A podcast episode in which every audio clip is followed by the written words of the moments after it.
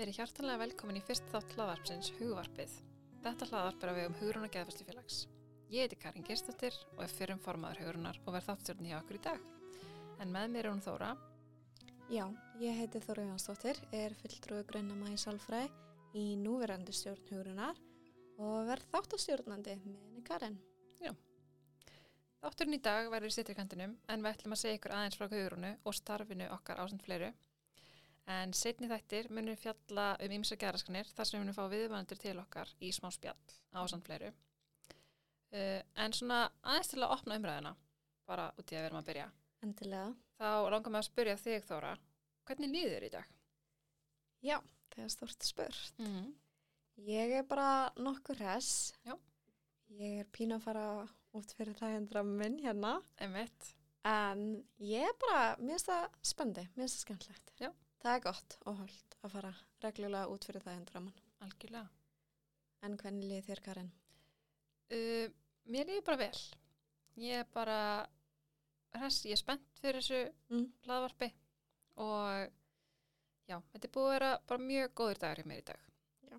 Þannig að mér líður bara vel. En þú, kærlustandi, hvernig líður þér í dag? Ertu búin að tala um líðan við einhvern? Ertu búin að spurja einhvern út í hvernig þeim líður í dag? Ertu duglegur að gera það? Ef ekki, þá mælum við með því að taka stöðuna á sjálfum sér Mm. og kannski öðrum okkur, þú veist, Að töma fólki í kringum þig. já, bara á hverjum degi. Já, helst. En til að byrja svona aðeins umræðina um hugrúnu, þá vildi ég bara segja hvernig hugrún var til.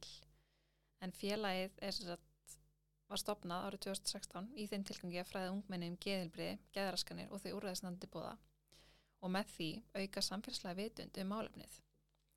En þetta gerum við með því að flytja staðlaðan fyrirlestur í öllum framhaldsskólu landsins, endur slaust.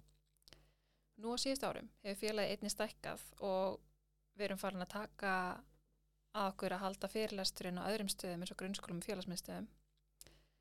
Hugrún er sjálfbúðalega starf og það hefur stækkað rosalega með árunum. Og í dag eru um 100 sjálfbúðalega sem taka þátt í þessu starfi og flytja fyrirlestra. Til þess að sjálfbúðalegin okkar geta sint þessu starfi þá hefur við haldið fræðslunda en þá fer þáverandi stjórn yfir fyrirlesturinn hægt og rólega og kennir tilvænandi fræðurum. Síðust ár hafa fræðsludagarnir okkar verið í fyrirlestsal og alltaf 40 manns mætt. En í heimsfaldrinum þá þurftum við að hafa þessa kennslur af hana eins og flest allt annað. Elsku besta COVID. Jep. Um, á þessum fræðsludum þá myndast oft mikil umræða um fyrirlesturinn. Stjórnin útskýri hversun heit þetta væri sagt og svo framvegis. Svo í lókdags höfum við reynsli þar sem tveir stjórnumælimir flytja fyrirlesturinn eins og er gert í framhaldsskólum eða hvað sem fræðslan væri annars haldinn. Það sem við líka verið að gera er að halda fræðstukvöld fyrir háskólanema, hvort sem þau vilja vera fræðar eða ekki. Þessi fræðstukvöld fjalla í sér fyrirlestra frá fagaðilum og fólki með neilsögu af geðröskunum, geðhelbrið og öðru slíku. Við hefum fengið fullt af fyrirlesurum og þessi kvöld hafa gengið alveg gríðarlega vel og verið mjög vinsæl. Já.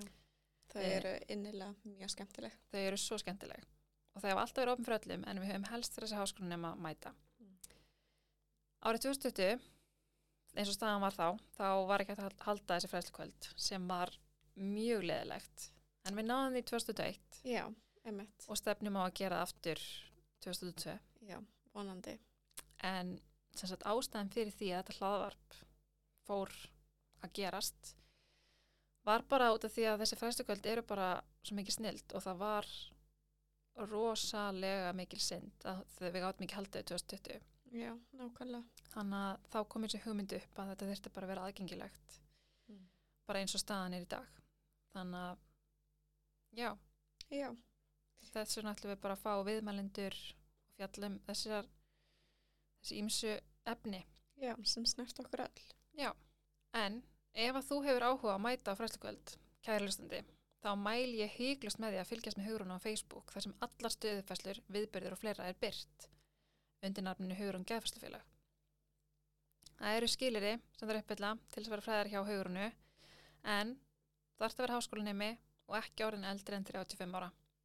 Ástæðan fyrir þessu er að fræðslan okkar er á jafningum grundvelli Já.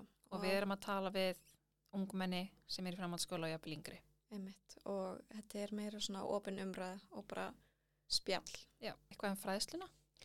Já, fræðslan sem við flytjum fjallar um hvað geðhelsa er, þunglindi, kvíða, ádraskanir, uh, fíkn, hvað það er að vera aðstandandi, úrræði sem standa til bóða og hvernig er best að gæta að eigin geðhelbreið. Við heldum líka upp í vefsíðinni geðfræsla.is þar sem við erum með heilanhellinga upplýsingum á íslensku, ensku og pólsku varðandi geðhelbreið á samt lýsingu á helstu geðröskunum. En vefsíðan er í stöðuri uppfærslu og við stefnum á að bæta við umfjöllun um einhverju ADHD Mhm. Á næstu vikum sem verður líka aðgengilegt á ennsku og pólsku. Og það er gott að taka það fram bara núna að tekstinir sem eru á vefsíðunni eru skrifaður og yfirfarnir af fagæðalum Já, og þetta eru bara mjög þægilegir tekstar, einfaldir tekstar um þessar geðraskanir og fleira. já, ennmitt. Um, á vefsíðinni má líka finna ítalaðan lista af úrræm sem hægt er að leita til ef þú eða eitthvað sem þú þekkir er að glíma við andlega erfiðleika. Þetta er svona í rauninni það mikilvægasta sem er á síðun okkar. Já, mjög gott að þekkja hann. Já. En við erum líka á Facebook undir nafninu Hugrun Geðfræslufélag eins og Karin nefndist á og á Instagram at Geðfræsla þar sem við postum alls konar skemmtilegu efni, Já, fallegu myndum, fallegu myndum. fræðslefni. Já, heldur betur. Og svo erum við núna með þetta hlaðvarp. Já. Í þessu hlaðvarpi ætlum við að halda áfram með markmið okkar að auka þekkingu og geðhelbrið og öllu því sem við kemur. Við munum taka fyrir geðraskanir, til dæmis þunglindi, kvíði, kvíða, ádraskanir og tala um efni eins og hvernig er að vera aðstandandi eitthvað með geðraskun, sjálfsmat, svepp og margt fleira. Við viljum taka það fram að við erum engi sérfræðingar í þessu málefni en höfum fengið til þessu okkur fæðila til að miðla þekkingu sinni áfram. Já, og þetta er rosalega svipað fyrirlasturinn sem við erum með Já, í framhaldsskólum. En núna bara verður þetta aðgengilegt fyrir alla. nákvæmlega. En þegar við fjöllum geðraskan í þættinum gæti vel verið að einhverjir hlustundur tengi við einkennin sem við nefnum. Það er fullkomlega eðlilegt og þarf ekki að þýða að um röskun sé að ræða. Alla raskanir grundildast í mannlegu eðli en fólk finnur mismikið fyrir einkennunum. En svo ef við tökum þunglindi sem Já, dæmi, já. þá eru enginni þar þingdabreitingar og breytingar Mhm. sem er eitthvað sem margir tengi við. Já. En hvenær er það þá orðið, geðröskun? Yfirleitt er talað um röskun þegar einkennin hafa hamlandi áhrif á lífið viðkomandi og eða valda viðvarandi vanlíðan. Ef það er tilfellið hjá ykkur eða ykkur grunar svo sé hjá einhverjum í kringum ykkur, þá er afa mikilvægt að leita sér hjálpar. Aldrei og seint og heldur aldrei og snemt. Bara, en eins og bara svona þeim búin regla, bara því fyrir því betra. Já, nákvæmlega. Það, En Já. kannski svona eitthvað sem að, maður myndi velta fyrir sig núna, bara hvernig, hvað myndi maður gera til að leita sér hjálpar? fyrsta skrefið er ofta að segja einhverjum sem þú tristir. Það getur verið vinur, fjölskyldmæðlumur eða bara fagaðali. Það er hægt að leita til hilsugæslunar sem eru yfirleitt fyrstu viðkomastæðurinn þegar fólk leita sér aðstofar við sjálfurinn vanda. Þar er hægt að bóka tíma hjá lækni sem getur hafið lifið meðferð eða vissa málu þín áfram til annars fæðula. Svo er á mörgum hilsugæslustöðum, ef ekki flestum, sálfræðingar sem læknir getur vísa málu þín til. Svo er þetta hægt að fara á einhverstofu sálfræðingar eða geðlækna. Sálfræðingafélag Íslands er með leitavel á sál.is sem hægt er að nota til að finna sálfræðinga út frá þáttum eins og staðsetningu og tungumáli.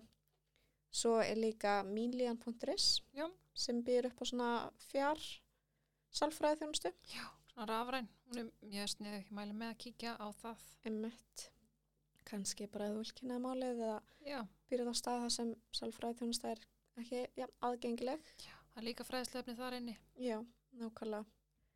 Og svo ef staðan er alvarleg þá eru þetta hægt að leita til bráðmáttöku geðsvis á landsbytala.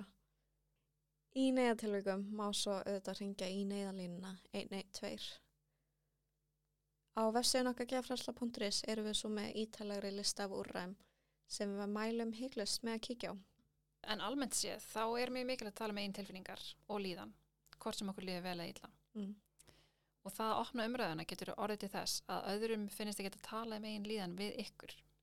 Já, Og þetta er svo mikilvægt.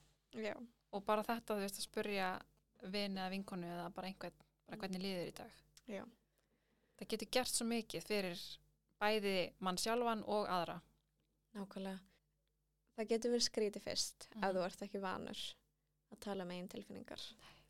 En svo venst það fljótt. Er já. Já. En góð geðhelsa þýðir ekki að maður sé sjúklega glæður allan daginn, allan daga. Lífi getur verið erfitt og allir getur upplegað erfið tilfinningar eins og depurð eða reyði og það er engin skömm í því þó að mann er líðisnum illa því að það er bara svo eðlilegt. Góð geðhelsa snýst meira um að finna þetta jafnvægi að geta tekist á við erfiðleika og geta upplifað jákvæða tilfinningar eins og gleð og tilökkun. Með því að opna sömræðu þá sköpum við bæði pláss fyrir okkur og aðra að tala um eigin líðan sem getur orðið til þess að einhver leitt sér aðstór ef þessi þörf. Já, nákvæmlega. En ef þú vilt lesa meira þá ætlum við að plugga aftur vefsíðan ykkar geðfærsla.is sem er á íslensku, ennsku og bólsku. Svo er það Instagram-reikningurinn átt geðfærsla. Og þar eru verið að byrta fræðslefni, fallega myndir. Einmitt. og Já. já. með þessu hlaðvarpi bara uppvarslur hvernig það kemur út fleira. Þannig að við náttúrulega bara kveði bili. Þetta verður bara stutt og laggott. Já. og takk kærlega fyrir að hlusta. Hlökkum til að tala við ykkur í næsta þætti